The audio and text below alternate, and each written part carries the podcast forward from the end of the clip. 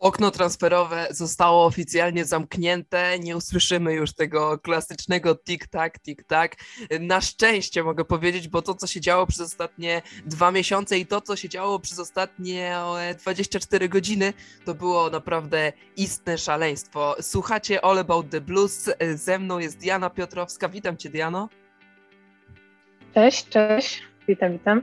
Paweł Kapica. Cześć, witam wszystkich bardzo serdecznie i ja, Jędrzej Święcicki.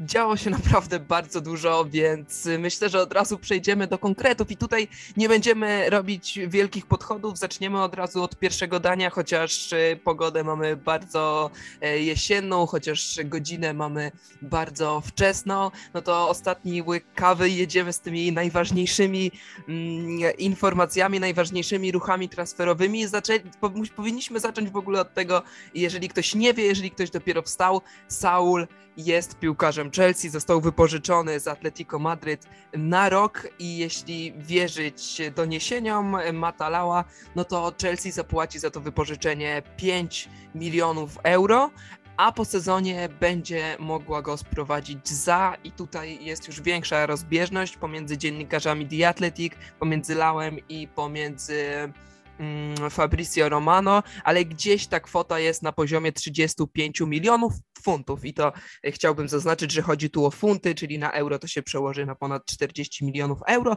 to cały czas chyba wydaje się racjonalną ceną. Zaczynamy od tego Saula, no bo, no bo tym żyliśmy, naprawdę to co się działo wczoraj, to było no, naprawdę szaleństwo i jak oglądałem stream Fabrizio Romano, to on sam nie dowierzał w to, co się dzieje. Siedział z jakimś swoim ziomeczkiem, też dziennikarzem, to wypadło teraz mi nazwisko, nieważne. Siedział Fabrizio Romano, obok jego ziomeczek, jeszcze wcześniej siedziała jakaś e, dziewczyna z wytatuowanym LV na ręku. Ogólnie cały, cały ten wieczór, cały dzień był e, bardzo szalony, no ale te ostatnie godziny to już nikt nie mógł uwierzyć w to, co się dzieje, bo właściwie do do północy 30 polskiego czasu. Fabrizio Romano siedział i tylko co drugie słowo mówił crazy, crazy, crazy, they had two months, two months, bo rzeczywiście, no Chelsea miała mnóstwo czasu, żeby sfinalizować wszystkie transfery, a wzięła się do tego ostatniego, wydaje się, 4-5 godzin przed zamknięciem okna transferowego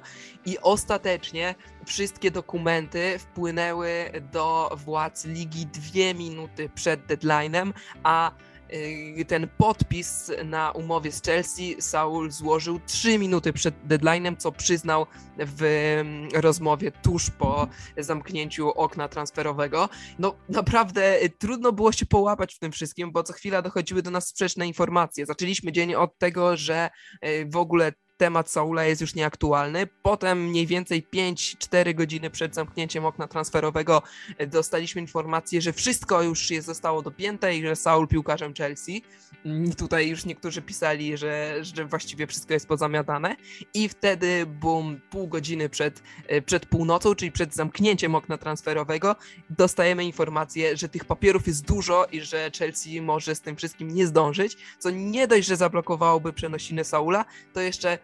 zablokowało by mm, kolejne transfery na rynku, czyli między innymi transfer Griezmana do Atletico, ten powrót y, Francuza do, do klubu, w którym się przede wszystkim wypromował, w którym e, zaczęła się ta jego wielka kariera. No właśnie, właściwie nie, niezbyt wielka ostatecznie, no ale tam zaczynał, więc tych transakcji było dużo. Fabrizio Romano sam nie dowierzył, patrzył w telefon i, i sam już nie wiedział, co ma powiedzieć. Jego ziomeczek tam go klepał w ramię i mówił tranquillo, tranquillo. Oni wszyscy z tym, e, z tym swoim włoskim akcentem. Naprawdę myślę, że ten wieczór przejdzie absolutnie do historii.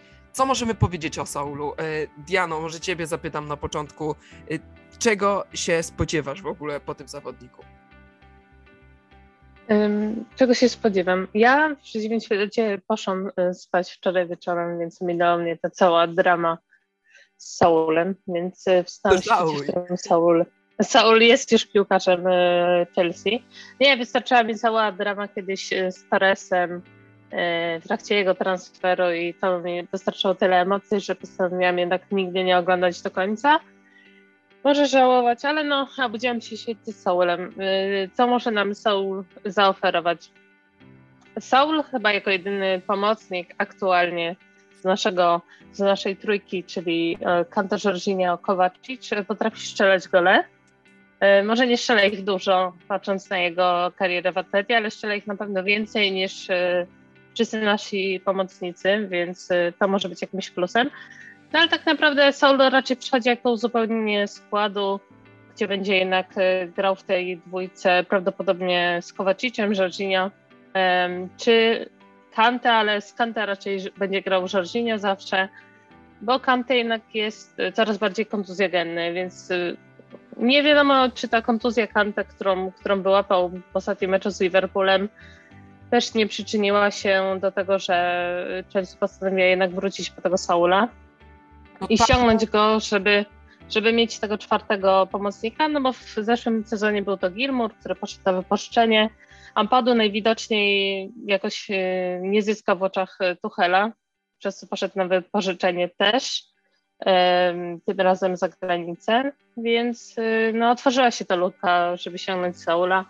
Wypożyczenie 5 milionów euro to, to tak naprawdę w dzisiejszym świecie są, są raczej grosze. Oczywiście też z tego co wiem Chelsea będzie płaciła jego tygodniówkę, która na pewno nie jest za niska, no ale tak naprawdę mamy cały sezon, żeby sprawdzić, czy ten deal jest warto pociągnąć jak w przypadku Kowacicza, czy może lepiej odpuścić. Takiej dokładnej um, sumy nie wiemy, ile będzie zarabiał, ale mówi się o 132 tysiącach euro, co, no, co oczywiście wydaje się dużo dla normalnego człowieka, no ale powiedzmy, że w branży piłkarskiej to też nie jest jakaś wygórowana pensja, więc myślę, że to nie będzie wielkim problemem. Jeśli chodzi o te kontuzję i o ten mecz z Liverpoolem, to właściwie nie minęły dwa kwadranse i już dwóch y, środkowych pomocników Chelsea miało problemy ze zdrowiem, więc, te, mm, więc ten transfer stał się, no stał się w ogóle obowiązkiem. Musieliśmy kogoś sprowadzić. Właściwie nie musieliśmy bo tak jak mówisz, to, to jest taka opcja rezerwowa, ale w grudniu, kiedy dojdzie do meczów pucharowych w, w Lidze Mistrzów, chyba jeszcze wtedy gramy, to jest koniec, koniec fazy grupowej Ligi Mistrzów, Liga dużo meczów w lidze i te klubowe Mistrzostwa Świata, wtedy będzie dużo meczów i nie można tego Kante aż tak um, przeciążać. No zwłaszcza, że on się robi coraz częściej kontuzjowany. Zastanawiam się w ogóle, czy po Mistrzostwach Świata w Katarze Kante nie zdecyduje się na zakończenie kariery reprezentacyjnej, bo może być mu bardzo ciężko, biorąc pod uwagę to, jak to teraz wygląda, jak wyglądało w zeszłym sezonie, że Kante kolejny raz już na zgrupowanie kadry jedzie z kontuzją. I to jest myślę, że duży problem. Jeżeli Kante chce sobie pograć jeszcze kilka lat, no to musi pójść za przykładem chociażby e, Jamie'ego Wardiego i zrezygnować z reprezentacji, zwłaszcza, że zdobył już już właściwie z nią najważniejsze trofeum, więc, więc myślę, że, że to bardzo nie będzie blokowało. Ale wracajmy do tych transferów. Wspomniałaś o strzałach i ja sobie spojrzałem na statystyki Saula w Atletico. On te ostatnie dwa sezony miał dosyć słabe. On mówił też to w wywiadzie pomeczowym, nie pomeczowym, tylko tuż po tym transferze i tutaj e, wielkie pozdrowienia dla Kuby Karpińskiego, który ten wywiad przetłumaczył i na angielski, i na polski, więc można go przeczytać w internecie chelseapoland.com, tam e, przeczytacie całą rozmowę z Saulem. Mm, no ale co on z takich najważniejszych rzeczy, no to on wspominał, że przez ostatnie sezony był rzucany na różne pozycje, że był takim zapchaj dziurą, grał trochę w środku pomocy, trochę po bokach i to mu się bardzo nie, nie podobało i to by też było takim warunkiem, też było takim głównym powodem, dla którego zdecydował się szukać nowego klubu, bo zawodnik zdecydowanie emocjonalnie związany z Atletico, ale E, czuł już takie wypalenie. Stracił też miejsce w podstawowym e, składzie e, w Atletico w momencie, w którym wszyscy byli zdrowi. Potem je odzyskał, ale właśnie był taki rzucany po różnych pozycjach. Stracił miejsce w reprezentacji Hiszpanii, co myślę, że dla niego też było ważne. No i szukał tego tego, tego swojego miejsca i go nie znalazł już w Atletico i dlatego decyduje się na transfer do Chelsea, ale wracając do tych statystyk, patrzyłem sobie na ogólne, ogólne jego liczby w ostatnich sezonach, no i na przykład w, w ostatnim sezonie, kiedy, kiedy już właśnie grał na tych różnych pozycjach i nie czuł się najlepiej, oddawał średnio 1,17 strzału na mecz. W porównaniu z najlepszym u nas Kowaciciem, najlepszym oczywiście jeśli chodzi o pozycję środkowego pomocnika, no to to jest dużo więcej bo Kowacic ma 0,90. Też liczby bramek w 226 meczach w La Lidze Saul strzelił 28 goli, więc to naprawdę jest przyzwoita liczba, którą właśnie znowu najlepszy Kowacic myślę, że się pochwalić nie może. Jeśli chodzi u nas y, o, o, naszą sytuację, no to najwięcej bramek z zawodników środka pola strzela oczywiście Jorginho, ale nie dlatego, że ma rewelacyjny strzał, tylko dlatego, że strzela karne. Gdyby liczyć te bramki z gry, no to tutaj także wypada słabo w porównaniu do Saula, więc to, co, to, o czym wspomniałaś, że wreszcie może będziemy mieli środkowego pomocnika, który będzie mógł oddać strzał, bo tego nam brakuje, ale mm, nie wiem, nie wiem jak myślicie, Paweł, e, czy myślisz, że w obecnej formie, bo wiadomo, że tych meczów jest dużo, ale jakbyś miał wystawić pierwszą jedenastkę, czy widzisz Saula, e, który może wywalczyć sobie miejsce w składzie w momencie, w którym zdrowy jest Jorginho, Kante i Kowacic? Moim zdaniem tak naprawdę to wszystko pokaże pierwsze kilka spotkań i występów y, Saula właśnie dla Chelsea. Y, zobaczymy tak naprawdę jak on się odnajdzie, bo, bo w tym Atletico on tak naprawdę zaczął źle się spisywać, kiedy Simeone troszkę zmienił podejście do, do gry, bo znamy Atletico, które jest właśnie defensywne, które, które tak uderza z kontry i właśnie z tego słynęła drużyna Simeone. On, tamtym, on, on w tamtym sezonie to zmienił. Y, zmiana właśnie formacji na 3-4-1-2 sprawiła, że on został odstawiony na bok kompletnie, ponieważ y, zaczął wstawiać na Marcosa Lorente, y, który właśnie grał obok Skokę. Wiadomo, że to są opcje bardziej ofensywne i on w, tej, w tym właśnie układzie, gdzie to Atletico zaczyna prowadzić grę, nie czuł się za dobrze w porównaniu do sezonu 19-20, on w tamtym sezonie miał aż 35% mniej wygranych pojedynków w środku pola.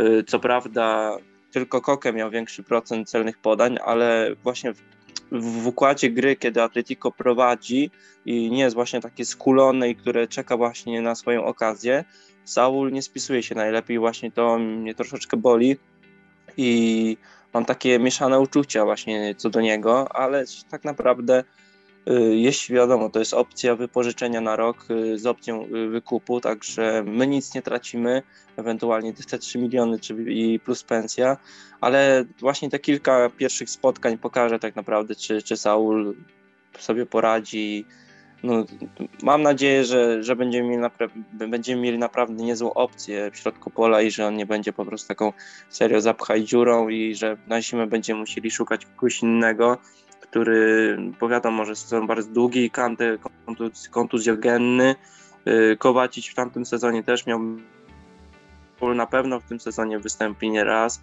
i będzie mógł pokazać się, się z dobrej strony, mam nadzieję.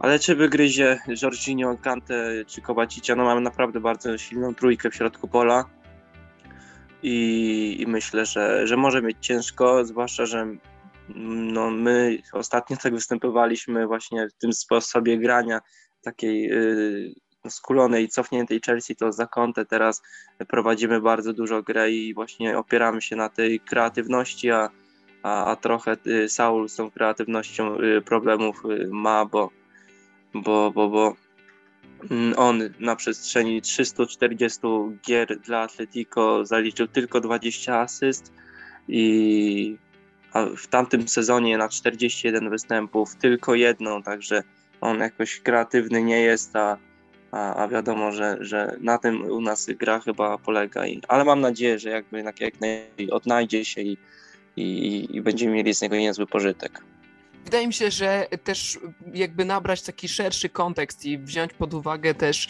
te podanie poprzedzające asystę, żeby nie, nie brać tylko asysty, to wtedy trochę lepiej statystyki Saula wyglądają. Mówię o tym między innymi dlatego, że właśnie nasi środkowi pomocnicy się w tym specjalizują, między innymi Jorginho umie podać tak piłkę na przykład do Mounta, żeby ten umiał dograć potem komuś w środku pola i to też są ważne liczby, ale rzeczywiście e, z tym, e, co powiedziałeś, trudno się mm, nie zgodzić. Tak, w temacie Saula myślę, rozmawiamy o nim też jako o, głównie o, jak, jak o rezerwowym, a trzeba pamiętać, że on nie jest stary, że on jest rocznik 9-4, więc w tym momencie ma, ma 26 lat chyba jeszcze. E, nie pamiętam dokładnie, kiedy ma urodziny. Nie jest to bardzo istotne. Ogólnie jest na przykład tylko dwa lata starszy od Rubena Loftusa-Cheeka, czyli to jest piłkarz, który jeżeli się sprawdzi, może grać przez najbliższe kilka lat i nie chcę też wybiegać w przyszłość za bardzo. Też nie oglądam za dużo Ligi Hiszpańskiej, więc nie chcę się mądrzyć, ale sytuacja idealna by była taka, że e, żeby właśnie został na te kilka lat i żeby nam załatał, e, właściwie nie załatał dziurę, bo my tam dziury nie mamy, ale jeszcze bardziej wzmocnił ten środek pola i i potem jakoś naturalnie, żeby Kante y, czy Jorginho się zmieniali już jak będą trochę starsi, wtedy do składu będzie przychodził Gilmour, a oni będą powoli odchodzić i, i zrobi nam się taki mocny środek pola bez ściągania Declana Rice'a. Według mnie to by była najlepsza y, sytuacja finansowo dla Chelsea, bo wiemy, że ten Declan Rice y, jest gdzieś na radarze cały czas, że chciał go Frank Lampard,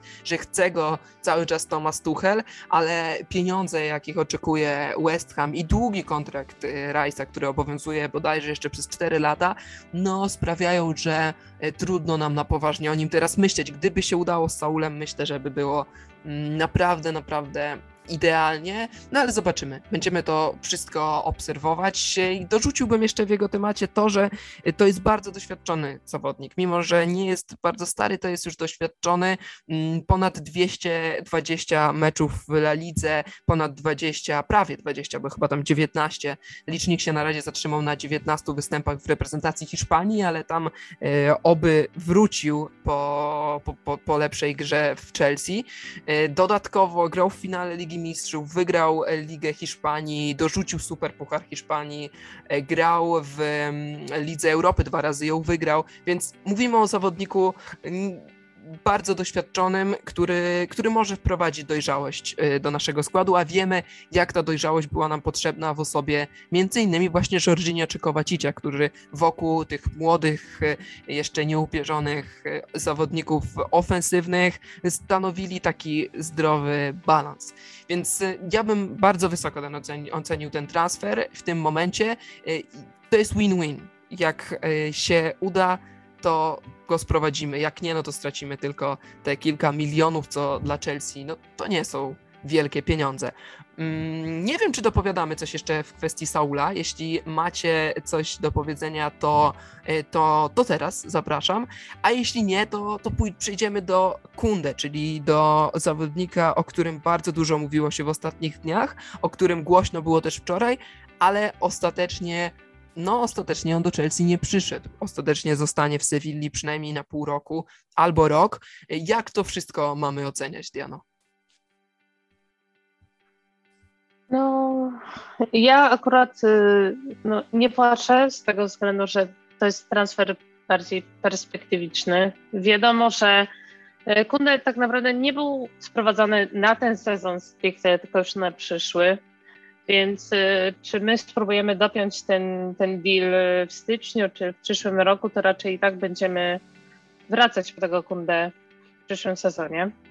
Y, z racji tego, że odejdzie tego Silva, y, Rudiger nie wiadomo, czy podpisze nowy kontrakt, Christensen wiadomo, że, że podpisze, bo już jest na ostatniej prostej, by podpisać nowy kontrakt czteroletni z opcją przedłużenia o rok. To jest super informacja. Więc ten Kunde, czy on by grał w pierwszym składzie? Nie sądzę aktualnie. Nie, nie przy tej dyspozycji naszej obrony, y, odkąd przyszedł Tuchel, więc y, no troszkę szkoda, że, że nie dopiliśmy tego transferu już teraz, y, no ale Sevilla postawiła trudne warunki do negocjacji. Trochę mi to przypominało transfer Kepy, gdzie, gdzie byliśmy pod ścianą i Bilbao postawiło warunki takie, a nie inne i my wtedy się zgodziliśmy. Teraz nauczeni już y, troszkę historiami, wszystkimi sprawami, widać, że, że mamy troszkę podejście inne do transferów i staramy się jednak negocjować, a nie przystawać na warunki, które zostały nam postawione na stole. Więc, więc może fajnie. Sevilla też widziała, że sprzedaliśmy tego Zoomę e, za te prawie 30 milionów funtów. I dlatego też pewnie troszkę podniosła te warunki na samej prostej, bo stwierdziła, że no mamy przecież pieniądze, to czemu nie podnieść i nie spróbować wyciągnąć od nas tych pieniędzy. A nie My zostaliśmy to? bez zawodnika, oni zostali bez pieniędzy.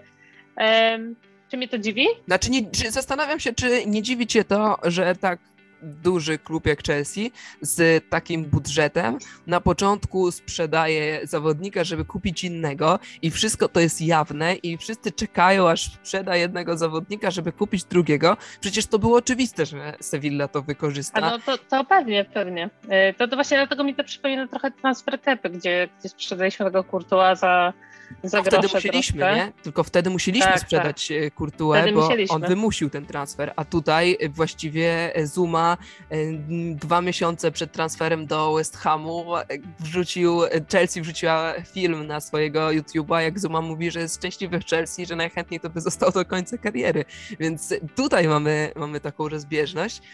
Zastanawiam się, czy, czy możemy powiedzieć wprost, że to, że się nie udało jest winą klubu i czy wy byście e, zapłacili te 65 milionów funtów, bo tyle mniej więcej wynosiła klauzula i tak dla dobrego porównania, tyle dokładnie, e, może nie dokładnie, ale około tyle zapłacił Manchester City za e, Rubena Diasza.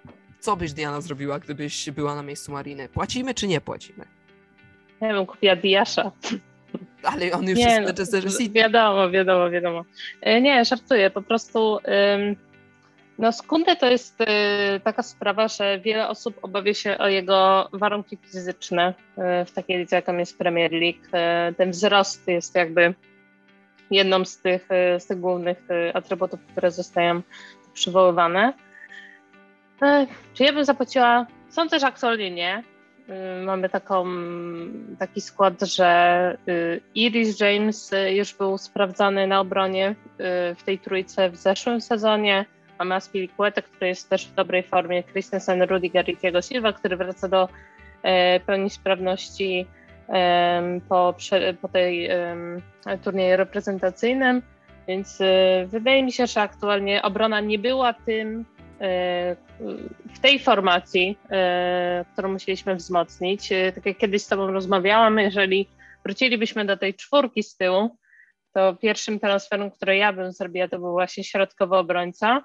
W formacji, gdzie gramy trójką z tyłu, to, to nie był mus, tak, żeby ściągnąć. Saul jednak e, był tym zawodnikiem, którego lepiej było ściągnąć w tym ostatnim dniu okienka transferowego, ze względu na to, że tam mamy jednak dziurę na obronie aktualnie nie. Ja bym nie zapłaciła tych 65 milionów funtów, e, nie w ostatni dzień, e, bo to też jest taka sprawa, że gdy my godzimy się na te wszystkie takie mm, stawiane nam warunki, to później ciężej jest nam negocjować z innymi klubami.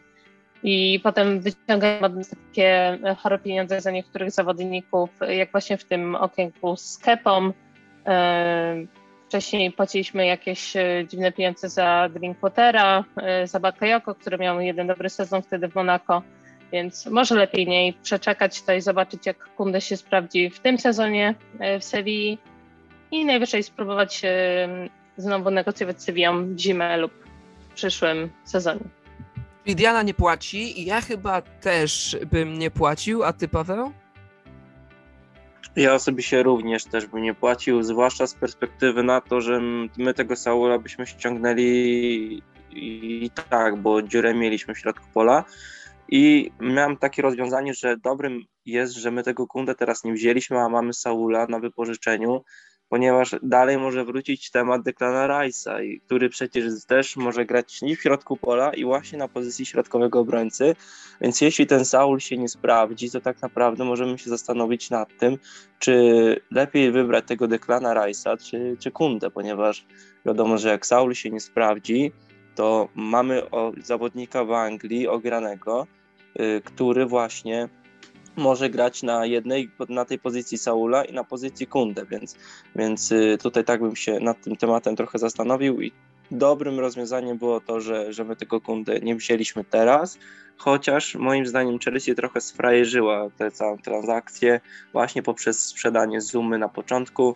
Jakby tak jak mówisz Jędrzej, to było tak oczywiste, że, że, że jak sprzedamy Zumę i postawimy się według całego świata i Sewilli, zwłaszcza pod ścianą, że my tego obrońcę musimy kupić i wydamy za, na to pieniądze, tak jak właśnie w przypadku z Kepą, to, to właśnie trochę frajerzyliśmy z tą sprzedażą Zumy.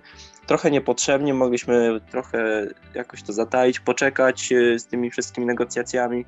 No i niestety Sevilla to wykorzystała. Moim zdaniem dobrze, że nie poszliśmy po prostu za tym tokiem myślenia, jaki daliśmy wtedy y, przy Kepie.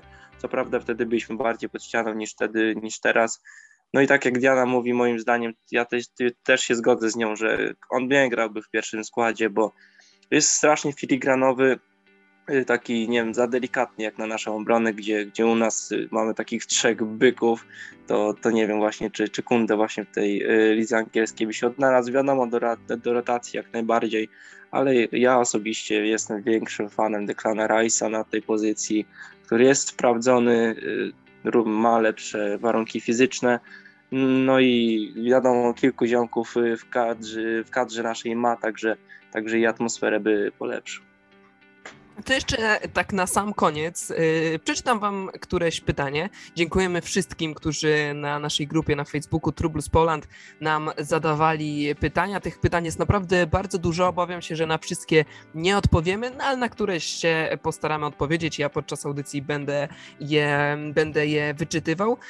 Piotrek pyta, czy nie sądzimy, że, że ten brak sprowadzenia Kunde odbije się czkawką, że Chelsea go nie sprowadzi za rok, y, bo czytaliśmy między innymi plotki o tym, że Real Madryd widział go by u siebie. Cezary dodaje, że dodaje, jakby rozszerza pytanie o, o to, czy.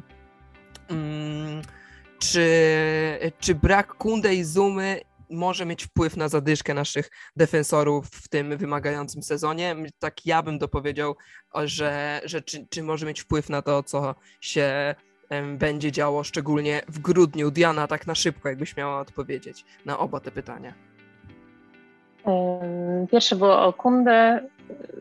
Pierwsze, czy, czy, czy, czy, nie boisz się, że ktoś po prostu nas uprzedzi na rynku transferowym? I drugie, czy w tym sezonie nasza obrona jest wystarczająco mhm. mocna, żeby, mm, żeby grać o najwyższe cele i właściwie dorzuciłbym jeszcze jedno pytanie, bo trochę ich mm, jest. Pytanie od Łukasza. Czy naszym zdaniem Czalobach jest odpowiednim wzmocnieniem środka pola i, i środka obrony? Dobra. E, czy ktoś może nas uprzedzić w sekundę? Oczywiście, że może. Mm, zobaczymy, jaki Kunde będzie miał sezon w Sewilli. Jak to jest w piłce nocznej? Zaraz może by jakiś nowy talent e, się pojawić e, w każdej z lig i może pójdzie, pójdziemy po zupełnie kogoś innego, może pójść z ligi angielskiej, a może po kogoś po prostu z zupełnie innej ligi. Albo się zgłosi Bayern Monachium i kupi go za jakiś groszek, to Bayern ma w zwyczaju. E, to tak żartując. Jeżeli chodzi o głębię naszego składu, jeżeli nikt nie wypadnie poprzez kontuzję, to sądzę, że jesteśmy ok. Mamy Diego Silva, Rudigera, Christensena, Czaloba, mm, Aspilicuete czy Risa Jamesa. E, coś wykombinujemy. Najwyżej zmienimy formację i dopasujemy to jakoś. Zagramy bardziej defensywnie, zagramy troszkę innymi defensywnymi pomocnikami, żeby ubezpieczyć obronę. E, coś się wykombinuje. Nie sądzę, żebyśmy, jest już wrzesień, jeżeli naprawdę coś się stanie, to spróbujemy pewnie kogoś ściągnąć w styczniu. E, okienko transferowe zimowe zawsze jest troszkę mniej emocjonujące, ale zawsze da się kogoś wyciągnąć. E, może kogoś, kto już nie grał w Lidze Mistrzów, więc będzie mógł też zagrać, więc, więc zobaczymy, jak to, jak to będzie. Mm, I o Czaloba. Mm, Czaloba jest, ma ten plus w przeciwieństwie do Marka Guay i Tomoriego, że potrafi grać na dwóch pozycjach tak naprawdę, czyli też na defensywnym pomocniku. Um, on chyba grał na defensywnym pomocniku we Francji, jeżeli się nie mylę, na wypożyczeniu. E, więc tak, to też dokładnie. jest fajne, że, że może nam ubezpieczyć też troszkę tyły. bardziej defensywny niż taki, taki troszkę bardziej zmiennik Kante, czyli bardziej byłby takim przycinakiem w środku pola. No zobaczymy, jak Czaloba sobie poradzi. Chłopak ma 22 lata, jest po wypożyczeniu do Francji, a nie wyciągnięty wprost z akademii czy, czy z poziomu Championship, gdzie jednak dużo osób myśli, że e, jak ktoś się sprawdził w Championship, to się sprawdzi w Premier League. To nie zawsze tak bywa, jednak ta, ta dziura pomiędzy tymi dwoma ligami angielskimi jest dość spora i wielu zawodników e, się nie sprawdza. Więc zobaczymy. Wyciągnęliśmy fajne pieniądze za zarówno Tomariego, jak i za Marka Guay. Jeżeli Czaloba się sprawdzi, a będziemy chcieli ściągnąć kogoś na jego miejsce, to, to też będziemy mogli najwyżej go sprzedać z dobrym zyskiem. Więc tak naprawdę win-win, szczególnie, że Czaloba robi dobrą prasę aktualnie. Dokładnie, po, po meczu z Crystal Palace wiele osób e, pisało, że po, po co w ogóle ten Kunde, skoro, skoro jest w Czalobach. E, Łukasz jeszcze kolejne pytanie zadaje, ja pozwolę sobie na nie odpowiedzieć.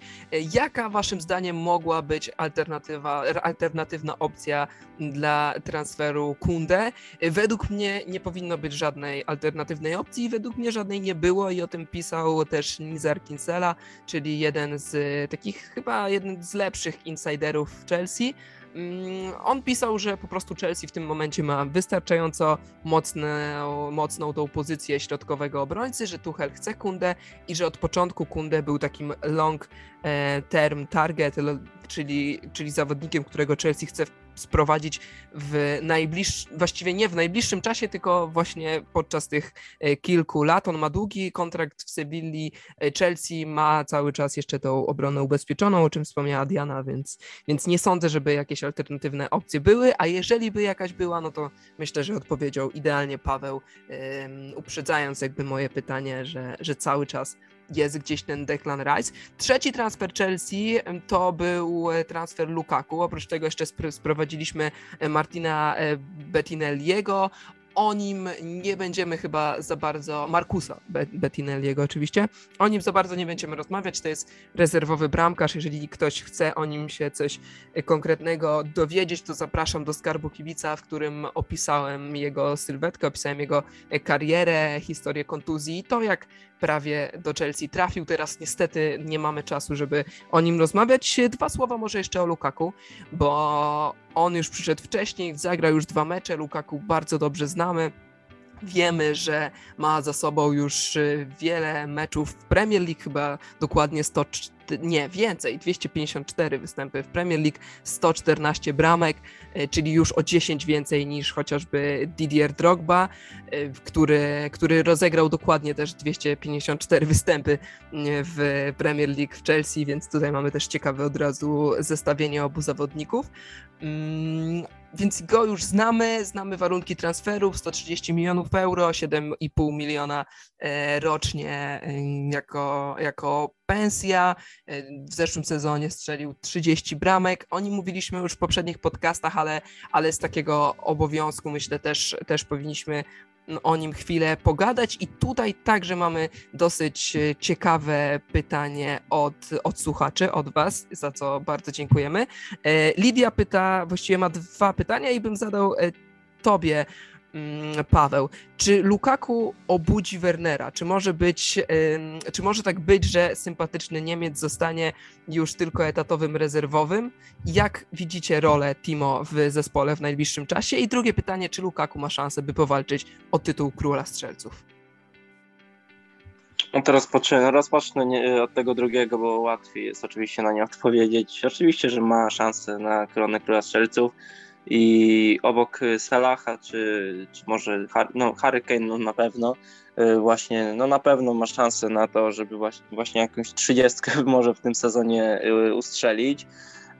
Y, co do pierwszego pytania, na które o wiele ciężej odpowiedzieć, wydaje mi się, że Werner ucierpi na, na transferze Lukaku z kwestii takiej, że, że po prostu o wiele częściej będziemy stawiać na Havertza obok obok właśnie Belga i, i przez, to, przez to właśnie y, Niemiec no, nie będzie dostawał aż tak wielu szans, no, zwłaszcza, że, że, że do, możemy chwalić Wernera za to, że w poprzednim sezonie dużo tworzył, dużo robił takiego zamieszania, które było oczywiście dobre dla nas i miało jakiś dobry, no, mieliśmy z tego jakąś dobrą korzyść, nie w przypadku jak było z Willianem, ale właśnie, zwłaszcza teraz jak widzieliśmy, gdy Lukaku już wystąpił w dwóch meczach, że, że tego Wernera braknie i, i, i szczerze on może być dobry na, na właśnie takich podmęczonych rywali, bo, bo przyspieszenie ma, yy, dribbling yy, również ma takie, no właśnie potrafi zrobić szum,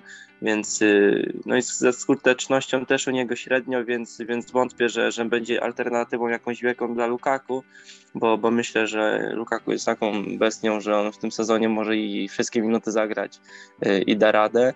Y, więc tak podsumowując, no, no Werner na pewno ucierpi na tym, na tym transferze i nie będzie występował aż, aż tak często, ale oczywiście swoje, swoje okazje dostanie, bo, bo sezon jest tak długi, że, że, że i Havertz posiedzi i, i Werner. Wiadomo, że, że jeden może mieć zwyżkę formy i to, to drugi ucierpi na tym, także raczej myślę, że to będzie rywalizacja między właśnie Havertzem i Wernerem y, o skład Y, niż, niż raczej y, Werner Lukaku, bo, bo Lukaku raczej pozycją nie jest zagrożoną. Porozmawialiśmy sobie o wszystkich tych transferach, y, o, o, zawodnikach, którzy do nas y, przyszli. Myślę, że trzeba porozmawiać jeszcze o kilku, którzy odeszli. Ta liczba w ogóle zawodników, którzy pożegnali się ze Stamford Bridge w tym sezonie jest y, długaśna, naprawdę. Zaczynając od Wiktora Mosesa, który tak, tak, cały czas był naszym zawodnikiem i on przyszedł do Spartaka Moskwa za ponad 4 miliony euro, idąc dalej przez Brauna, przez Oliviera Giroud, którzy odeszli za darmo lub za, za małe pieniądze, jak w przypadku Francuza. No ale jest kilka nazwisk, o których musimy wspomnieć. E, Mark Guechin, między innymi Louis e, Bate oraz oczywiście Livramento, który z buta wjechał już do Premier League, czyli młodzi zawodnicy, którzy nie widzą swojej, swojej przyszłości w Chelsea, którzy wolą zaczynać od tego troszeczkę niższego pułapu, jeśli chodzi o drużynę, żeby potem się przebić z powrotem na szczyt. Jak to na to patrzycie, jak to oceniacie, Diana? Ja osobiście się cieszę, że zaczęliśmy zarabiać na Akademii. E, to przez dłuższy okres nie było takie oczywiste. E, zawsze się mówi o tych talentach z Akademii Chelsea, ale oni zawsze byli wypożyczani do, do wielu klubów i gdzieś ten ich talent e, stopniowo zanikał i odchodzili albo za darmo, albo za jakieś grosze z reguły do klubów, które, które grały na niższym szczeblu rozgrywek. Właśnie Brown byłby takim przykładem, gdzie chłopak jednak jest troszkę, no, ma pecha z kontuzjami, ale też był uznawany za, za duży talent. I mamy takich zawodników e, sporo jeszcze nawet u nas na liście płac. Ale jedyny zawodnik, którego tak naprawdę mi bardziej szkoda, to jest Liveramento, e, który jednak postawił się w takiej sytuacji, w której jedynym wyjściem było go sprzedać, e, ponieważ chłopak postawił ultimatum, że albo gra, albo, albo odchodzi. I dla zawodnika, który, który nawet nie rozegrał mm, żadnego sezonu na takim profesjonalnym poziomie, czyli nie był nawet wypożyczony gdzieś do klubu z Championship, e, jak na przykład Reese James, który jednak pokazał, że potrafi grać e, w Wigan. Mm, no było troszkę takim, taką sytuacją, której, której Chelsea nie potrafiła sprostać, więc skąd, stąd e, go sprzedali za te jeżeli y, sprawdzę 5 milionów y, euro, gdzieś około 6 milionów euro, y, z opcją wykupu później Chelsea ma możliwość odkupienia go. Tutaj oczywiście były różne raporty, które się tam w granicach 25 milionów funtów do 40 milionów. Mnie się bardziej skłaniam, że jest ta wyższa granica. No ale to jest sytuacja, w której Chelsea teraz też postanowiła sprawdzić, czyli zapłacić tak naprawdę dać. E, kluby płacą Chelsea, żeby wyszkolić im trochę zawodników. To jest ta sytuacja, gdzie e, Southampton zapłaciło Chelsea niską dość cenę, e, by tak naprawdę wyszkolić Chelsea zawodnika. Jeżeli Chelsea stwierdzi, że dobra, odkupujemy Liveramento, bo się sprawdza to go, go po prostu odkupimy. Jeżeli stwierdzimy, że to nie jest poziom Chelsea, to go tam zostawimy i nikt nie będzie płakał. Livermento zbiera super opinie, ale czy wygryzłby kogoś aktualnie z naszego składu na tej pozycji? No nie, byłby po prostu zmiennikiem y, w najlepszym y, y, punkcie tego. Więc fajnie, że zarabiamy dobre pieniądze. Taki Mark Way, jeden sezon super w Championship i już takie pieniądze za zawodnika. Więc nic, tylko, tylko się cieszyć, że zmieniliśmy trochę podejście do tych wychowanków i zamiast ich wypożyczać w nieskończoność, po prostu ich sprzedajemy najlepiej z opcją późniejszego odkupu i sprawdzamy, jak się po prostu sprawdzą w klubie, w którym wiedzą, że będą na nich stawiać, gdzie mają już dłuższy kontrakt, a nie, że za rok wrócą i będą wrzuceni do zupełnego, zupełnie innego klubu, do zupełnie innej ligi i tak naprawdę ciężko się rozwinąć takim zawodnikom. Jeśli chodzi o, o, to okno transferowe, to, to tych e, wyjazdów z Chelsea było bardzo dużo, co może nas cieszyć, bo naprawdę zalegały te nazwiska. I no jak mówimy o młodych, no to rzeczywiście trochę tak jak mówisz, że jest trochę szkoda, z drugiej strony mamy wykup, więc nie ma co płakać, ale pozbyliśmy się kilku zawodników no, kompletnie niepotrzebnych, na przykład e, Jamala Blackmana. Mm, poza tym na wypożyczenie udało się wypchnąć Bakayoko, który jest w Milanie, jeśli się nie mylę, to jest dłuższe niż roczne wypożyczenie i potem Milan e, odpowiednią sumę będzie musiał zapłacić i Bakayoko zostanie już piłkarzem mediolańskiego klubu na stałe. Poza tym udało się wypchnąć na wypożyczenie Ramana, Miazgę, czy tam e, Drinkwatera właśnie wspomnianego, więc też częściowo ten budżet Chelsea jest, no się powiększa i, i na transfery mamy pieniądze. Dodatkowo Odesz, odszedł e, Dawide Zapakoszta, odszedł oczywiście Tami Abraham, o tym już chyba dużo mówiliśmy, więc, więc nie będziemy do tego wracać. Odszedł, e, no i odszedł między innymi Kurt Zuma i tutaj mamy e, pytanie od e, Szymona który się Kurtem Zumą e, interesował. Ja pamiętam, że gdy pisałem jeszcze tekst do Skarbu Kibiza, nie wiadomo było, co z tym Zumą będzie. Wszystko wskazywało w pewnym momencie na to, że on jednak zostanie, no ale odszedł. I tutaj jest pytanie o, o Zumę. Na co stać West Ham w tym sezonie? Jak daleko dojdzie w Lidze Europy i jaką rolę Kurta w tym wszystkim przewidujecie? Ja postaram się na to odpowiedzieć. Myślę, że West Ham robi super robotę, jeśli chodzi o okno transferowe.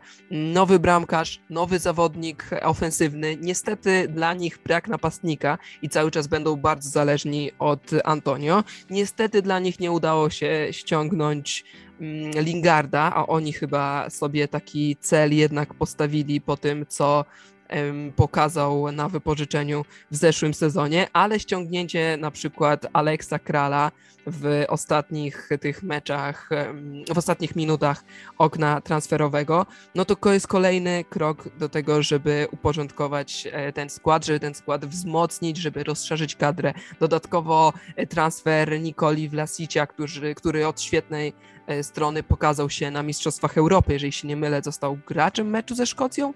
Może, może nie wiem, czy to był tak, gracz meczu ze Szkocją na Mistrzostwach Europy, więc kolejny bardzo przyzwoity e, transfer. No i ten Zuma w tym wszystkim też e, dużo pieniędzy ich kosztował, bo ponad 30 milionów funtów dla takiego klubu jak West Ham to jest dużo, ale myślę, że się opłacało. Myślę, że oni mogą być z tego zadowoleni. Z Zumą trochę jest tak, że on jest dobrym obrońcą. E, jeśli chodzi o wybijanie piłek, jeśli chodzi o grę w powietrzu i w ofensywie, i w defensywie, no to Zuma jest absolutnym topem. Ma najlepsze statystyki w lidze, ale jak dochodzimy już do jakiejś gry kombinacyjnej, tego czego oczekiwał Tuchel, żeby środkowi obrońcy od razu też rozgrywali. Jeśli gramy szczególnie na trójkę obrońców, to wtedy automatycznie jest trochę mniej pomocników, więc oczekuje się od środkowych obrońców, żeby, żeby rozgrywali i w tym świetnie się odnajduje między innymi taki Thiago Silva, czy właśnie Czalobach wspomniany. Wydaje się, że coraz lepiej Rudigerowi, Christensenowi to wychodzi. Na Zuma kompletnie nie. Zuma nie umie prosto kopnąć piłki. No niestety, jak go lubię, e, czuję do niego sympatię, ale, ale nie umie prosto kopnąć piłki. On jest dobry do wybijania piły w trybuny, a jak dochodzi do, do czegoś więcej, czegoś bardziej ambitnego e, w grze z piłką przy nodze, no to Zumie to nie wychodzi. Dlatego w Chelsea się nie odnajdywał i dlatego w West Hamie, który jest bardziej taki, no bardziej taki e, toporny, czy, czy nie wiem jak to nazwać, według mnie się, się jak najbardziej odnajdzie i według mnie będzie tam e, tym brakującym elementem. Dodatkowo to jest zawodnik doświadczony. On był w kadrze reprezentacji Francji mm, na ostatnich mistrzostwach. Nie było go na mundialu tylko dlatego, że miał kontuzję.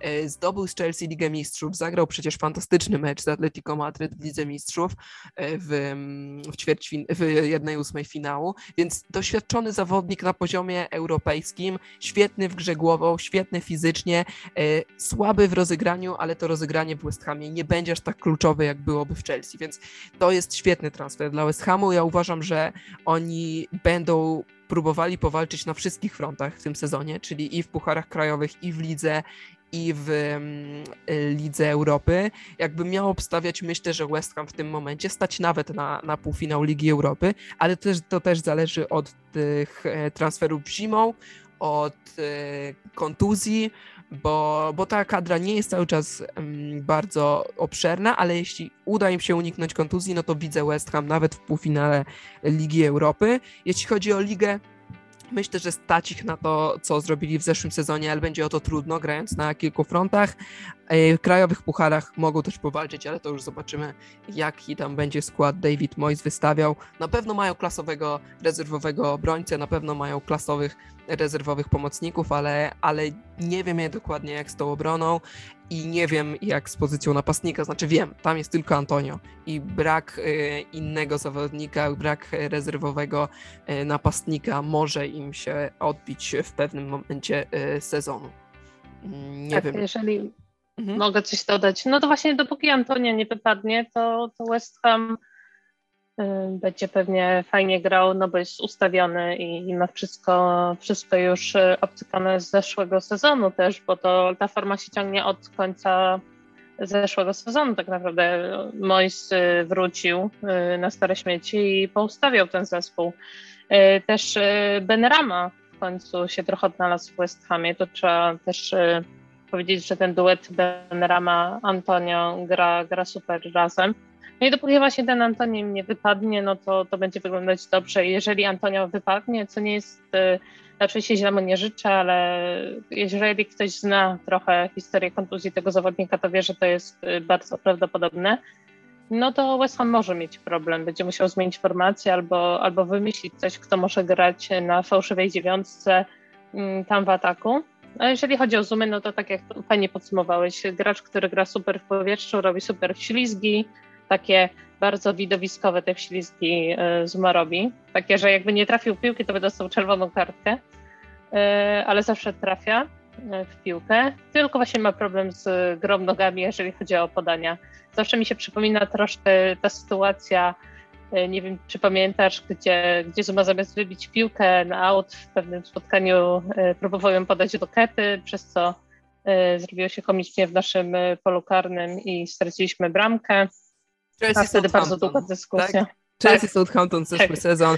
Wszystko spadło na kepę, mimo że, że tam zawinił Zuma, ale... I to był właśnie taki, taki, takie podsumowanie troszkę Zumy, który, który czasem też się tak grzeje i nie potrafi podjąć dobrej decyzji, ale w West Hamie, który jest bardziej, e, nie, nie, nie mogę znaleźć e, słowa, bardziej angielską drużyną pod względem gry w tak. piłkę, tak. E, się pewnie odnajdzie, gdzie, gdzie będzie musiał grać bardziej fizycznie, gdzie e, West Ham też gra bardzo dużo stałymi fragmentami gry. E, wystarczy przywołać Sołczka, który, który świetnie gra głową i Aspilicueta coś o tym wie. Więc no, sądzę, że Zuma bardziej się odnajdzie tam aktualnie w składzie niż w naszym składzie by się odnalazł aktualnie. Życzymy mu oczywiście powodzenia za to, co zrobił. Grał w Chelsea dobrych kilka lat, e, był ulubieńcem Jose Mourinho. Niestety trochę ta kontuzja w meczu z Manchesterem United e, kilka lat temu przekreśliła jego mm, szanse na, na zostanie absolutnym topem światowym. Niestety, zawsze będzie był Y, takim mimo wszystko średniakiem, to taka y, górna, średnia górna półka. No właśnie taki West Ham.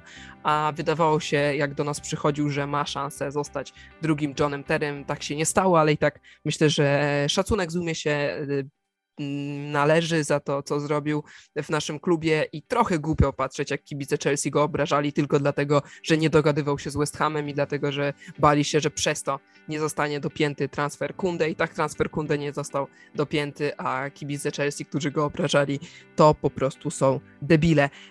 Ostatni transfer, ostatni zawodnik, który od nas odszedł, znaczy nie ostatni, bo gdybym miał ich wszystkich wymieniać, to bym y, potrzebował oddzielnej audycji, ale na stronie football.londyn jest y, cały, cały cała lista zawodników, którzy odeszli i przyszli do Chelsea, ale jest jeszcze jeden e, sympatyczny pan, który um, odszedł z Chelsea, nie przedłużył kontraktu. Mówię oczywiście o Willim Caballero, zawodnikowi, za, za, o zawodniku z największym stażem, jeśli chodzi o nasz e, klub. E, przyszedł, był solidnym rezerwowym, nie narzekał, pracował ciężko i po prostu uznał, że na tym etapie kariery nie może sobie pozwolić na kolejny mm, sezon y, na ławce, właściwie nawet nie na ławce, na trybunach, bo on przedstawiał to, że, że zeszły sezon był dla niego pierwszym, y, kiedy jest trzecim bramkarzem, a nie drugim i nie pierwszym, co było jednak dla niego mm, trudne, on tracił motywację. Ładnie to opowiedział wszystko w rozmowie właśnie z Nizarem Kinselą, y, kiedy mówił, że, że, że bardzo dobrze się czuł w Chelsea, że ludzie z Chelsea to to jego przyjaciele na zawsze, jego wręcz rodzina, że w Londynie się czuł fantastycznie, ale w momencie, w którym do klubu przyszedł Mendy i on z rezerwowego bramkarza przeszedł na, na tego trzeciego, spadła mu motywacja i było mu coraz ciężej, a że jest już stary, ma ponad 40 lat, to e, chciałby jeszcze, jeszcze złapać kilka tych minut, zanim na dobre pożegna się z futbolem, więc kolejny taki zawodnik, któremu dziękujemy i, i się z nim żegnamy, myślę, z taką łezką wokół, obok między innymi e, czy nawet Zumy, czy, czy Abrahama. Ja przynajmniej tak mam, że, że też e, tego Abrahama już widziałem, że on nie dojeżdża, jeśli chodzi o poziom Chelsea, ale gdzieś taki minimalny smutek w sobie mam. Omówieni zawodnicy Chelsea, myślę, że jeszcze chwilkę poświęćmy na to, co się wydarzyło ogólnie podczas tego okienka, szczególnie e, jeśli mówimy o Premier League.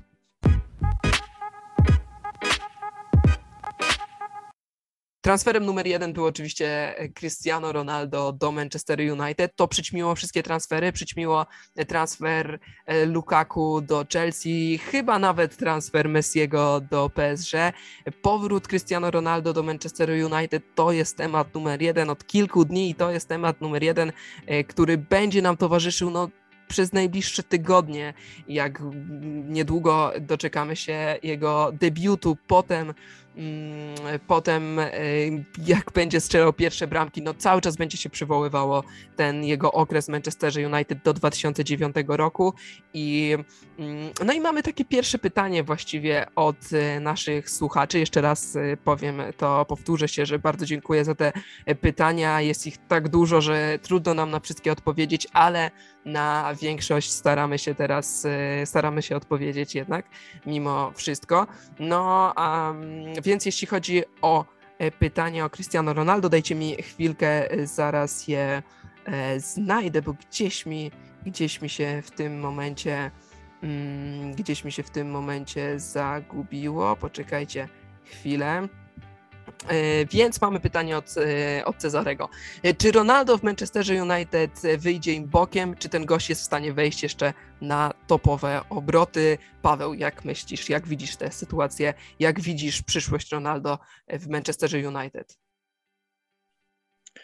Wydaje mi się, że takich ogromnych liczb jak y, podczas pierwszego pobytu w Manchesterze mieć oczywiście nie będzie z, z racji po prostu wieku, choćby wiadomo, że Ronaldo to człowiek, który wiek oszukuje i po nim y, właśnie nie widać, że ma tyle lat, ile ma ale y, nie ma opcji, że United wyjdzie bokiem transfer Ronaldo z kilku względów. Pierwszy to przede wszystkim status Ronaldo i to, że on tam jest, y, on tam będzie traktowany jak guru. I nie mówię to oczywiście w negatywnym sensie. Y, on na atmosferę w tym klubie wpłynie tak dobry sposób, że właśnie naj, ten największy problem w United zniknie, czyli właśnie y, masa takich gwiazd, czy, czy Pogba właśnie, czy, czy nawet Lingard, który przecież zostanie w Manchesterze, i właśnie zniknie w Manchesterze to takie gwiazdorzenie przez, przez takiego Ronaldo, który jednak nie wraca do tego, do tego United po to, żeby, żeby tam posiedzieć, trochę właśnie Mm, przy, przy, przygwiazdorzyć, żeby właśnie zrobić taki wielki powrót, żeby zakończyć tę swoją karierę takim dużym wykrzyknikiem. Raczej on przychodzi do, do, Old Trafford po to, żeby to Mistrzostwo Anglii wygrać, żeby coś jeszcze w Lidze Mistrzów zawojować.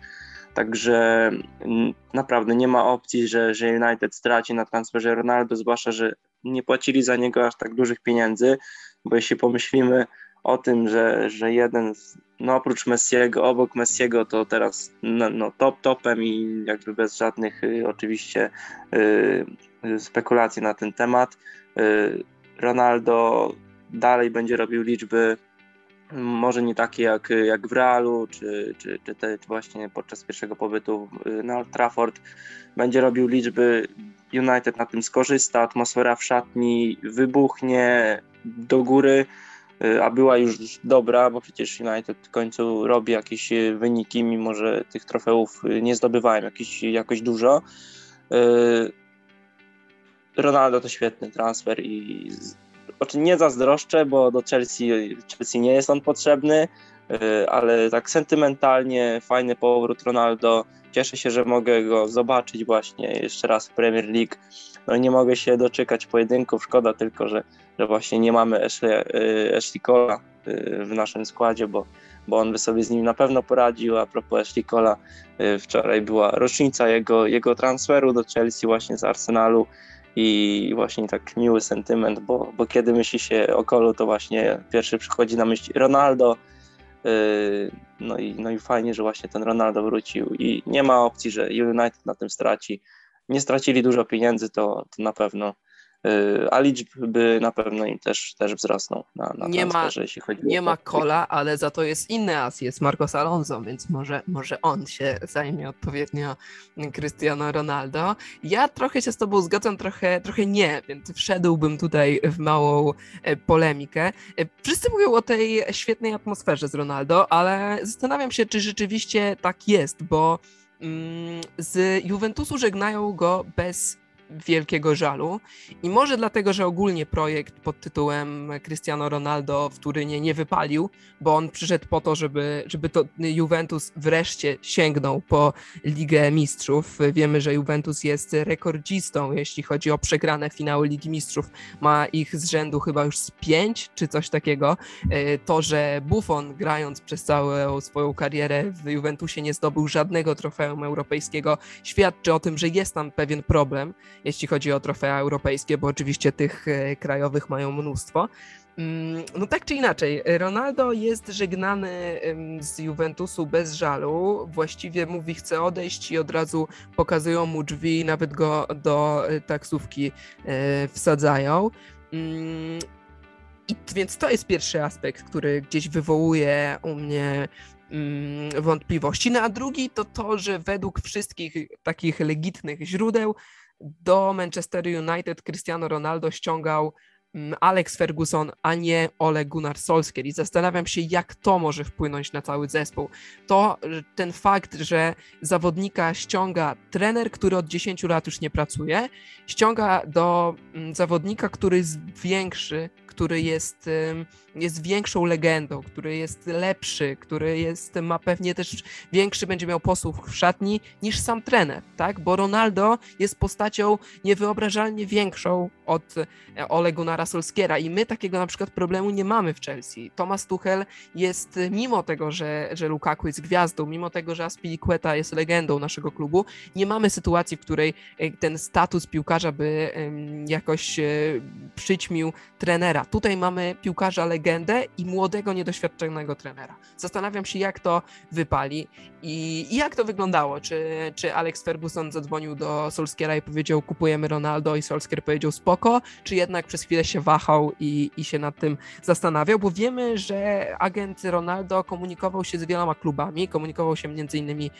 z City, podobno także z Chelsea, ale oba te kluby ostatecznie nie były zainteresowane. E, wbrew temu, co się mówi, ostatecznie City się wycofało z tej transakcji.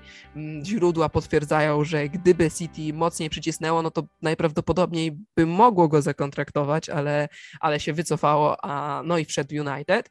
Więc zastanawiam się, czy, czy, czy ten aspekt właśnie poza boiskowy tutaj e, wypali. Czy na pewno to jest taka, tak, taki pewniak, jak niektórzy ludzie mówią. Zwłaszcza, że Ronaldo będzie zarabiał mnóstwo pieniędzy, 500 tysięcy funtów tygodniowo, jeśli wierzyć mm, doniesieniom medialnym. Tutaj ta liczba się waha od 450 e, tysięcy do 550, więc jakoś tak po środku e, tą średnią zebrałem i to jest mniej więcej 500 tysięcy funtów tygodniowo. To jest dużo Waran zarabia w Manchesterze United 400 tysięcy, ponad 400 tysięcy e, tygodniowo, więc naprawdę te wysokie pensje pomieszane z niedoświadczonym trenerem no ja się zastanawiam, jak to wszystko wypali, zwłaszcza, że skład Manchester United jest trochę niekompletny przez brak klasowego defensywnego pomocnika i na tym już United traci, to będą wykorzystywali przeciwnicy i obawiam się, znaczy nie obawiam się, bo nie lubię Manchester United, ale na miejscu kibiców United obawiałbym się jakiegoś takiego kryzysu, w momencie, w którym Fred zacznie popełniać dużo błędów, rywale to zaczną wykorzystywać, przez chwilę te mm, wyniki się minimalnie zepsują i wtedy może być kryzys, z którego nie będzie wcale tak łatwo wyjść, tak mi się wydaje. Bo oni mieli kryzys w listopadzie zeszłego roku i, i wtedy wydawało się, że właściwie e, dni mm, Solskiera są już policzone. Udało mu się to przetrwać, udało mu się zmazać skazę po, po porażce z e, Tottenhamem Jose Mourinho 1-6 a, no ale wtedy nie było Ronaldo. Nie wiem, jak, jak tutaj, te, jeśli chodzi o te charaktery w szatni, jak to wszystko e, wypali. Więc e, ja bym jednak taki malutki znak zapytania obok Ronaldo postawił, chociaż jest to fantastyczny zawodnik tyle, ile bramek strzela cały czas. To, że strzelił 36 bramek we wszystkich rozgrzewkach w zeszłym sezonie, no to świadczy o nim naprawdę bardzo dobrze. Eksperci podkreślają, że on strzelił więcej bramek niż Lukaku, y, że to jest takie, takie wow. No i rzeczywiście to jest imponujące, biorąc pod uwagę to, że jest dużo starszy od Lukaku, ale też trzeba pamiętać, że Ronaldo był no, na wykończeniówkach. Ronaldo strzelał bramki, a Lukaku jeszcze asystował i Lukaku e, dobił do 200 dwucyfrowej liczby asyst, podczas gdy Ronaldo miał je tylko dwie, mm, więc, więc to jest też taka, jak, jak bierzemy cały kontekst, no to jednak mimo wszystko Lukaku miał lepszy ten zeszły sezon, ale i tak szacun dla Ronaldo, że w tym wieku um, osiąga e, takie liczby to jest ten temat numer jeden Luka, e, Cristiano Ronaldo. Nie wiem, czy, czy masz Diano, czy masz Pawle jeszcze, czy macie coś do powiedzenia e, w kwestii Manchester United i Cristiano Ronaldo? Świetny transfer PR-owy, tak naprawdę. Yy, te, United zainteresowało się trochę tym Ronaldo na samym końcu, jak już było, że ma przejść do City. I PR-owo wyszło im to świetnie, że go ściągnęli. Yy, tam nie chcę teraz skłamać, ale w ciągu chyba jednego dnia było więcej reakcji na transfer Ronaldo niż na, po miesiącu na transfer, po kilku tygodniach na transfer Messiego więc widać, jaką e, Manchester United dalej ma siłę w social media na całym świecie. E, no i trzeba się obawiać jednak tego transferu. Ronaldo jednak potrafi strzelić z każdej pozycji, czy to z rzutu wolnego, czy, czy główką, czy z ataku pozycjon. Więc ja bym się obawiała. Będzie strzelał pewnie karne dodatkowo, więc jeżeli tutaj było wcześniej pytanie o króla strzelców dla Lukaku, jeżeli Lukaku będzie strzelał karne, ma szansę. Jeżeli nie będzie strzelał przy liczbie, jaką United zawsze ma karnych w sezonie, może być ciężko. A już się zaczęły te decyzje sprzyjające United. Oczywiście trochę to mówię e, pół żartem, pół serio. E, Tomek pyta, e, dlaczego go nie ma w tym odcinku. Nie wiem, choć się domyślam. A drugie jego pytanie jest, kto zrobił lepsze transfery Chelsea 2020-2021, United 2021-2022, czyli Chelsea z Chilwellem, Thiago Silvą, Mendym, Wernerem, Havertzem i Sarem versus Manchester United z Varanem, Cristiano Ronaldo i Sancho. Moja szybka odpowiedź jest Chelsea, ale bym chciał poznać też waszą szybką odpowiedź. Mm, Chelsea na pewno ma bardziej perspektywiczne transfery.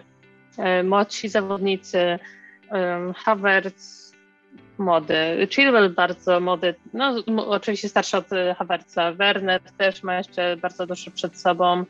E, Tiago Silva jako jedyny, który, który jest starszy i zero podejdzie, ale to ile nam dał w zeszłym sezonie to na pewno mówi samo za siebie, a tak e, a United ściąga Ronaldo, który który pogra w United, przypuśćmy, dwa lata na, na jeszcze wysokim poziomie. Varan, który, który musi się sprawdzić po, po wielu sezonach w La Liga przy Ramosie i tam było widać, że jak nie było Ramosa, to Varan się gubi i zobaczymy, czy będzie y, taką ostoją defensywy United, czy ten transfer wyjdzie im na dobre z tą tygodniówką, więc według mnie lepsze transfery Chelsea, szczególnie, że są tak jak powiedziałam, bardziej perspektywiczne, patrząc na to, jak e, Chelsea będzie układać swój skład w, w przyszłych sezonach.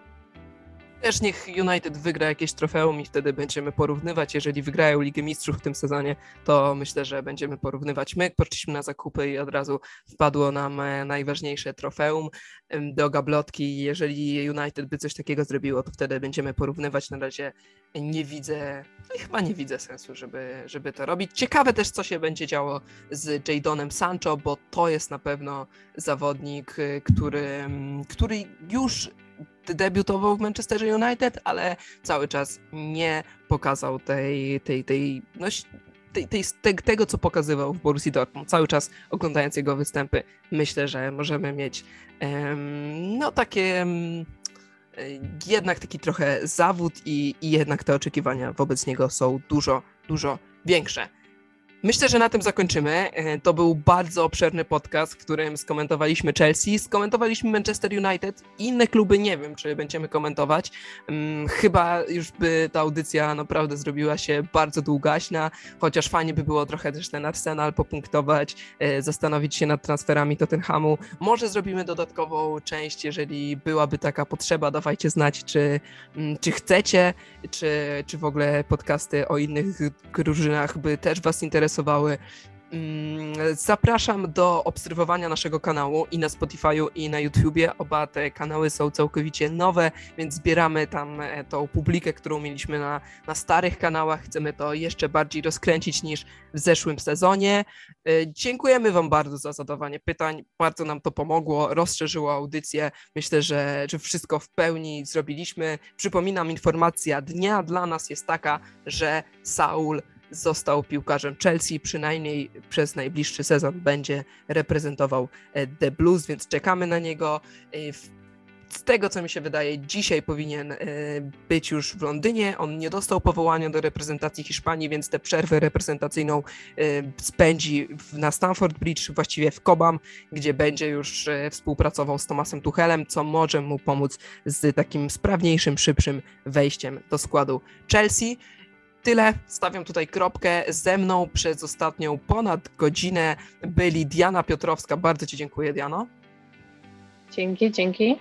I Paweł Kapica, też dzięki, Pawle. Dziękuję. Dzięki bardzo. I do usłyszenia, mówię Wam właściwie, do usłyszenia z Wami w najbliższych audycjach, do usłyszenia z naszymi słuchaczami. Naprawdę dzięki wielkie za pytania, było ich naprawdę dużo. Przepraszamy, że na wszystkie nie udało się odpowiedzieć, ale jesteśmy w kontakcie i, i tyle. Obserwujcie nasz kanał. Do usłyszenia w najbliższym odcinku.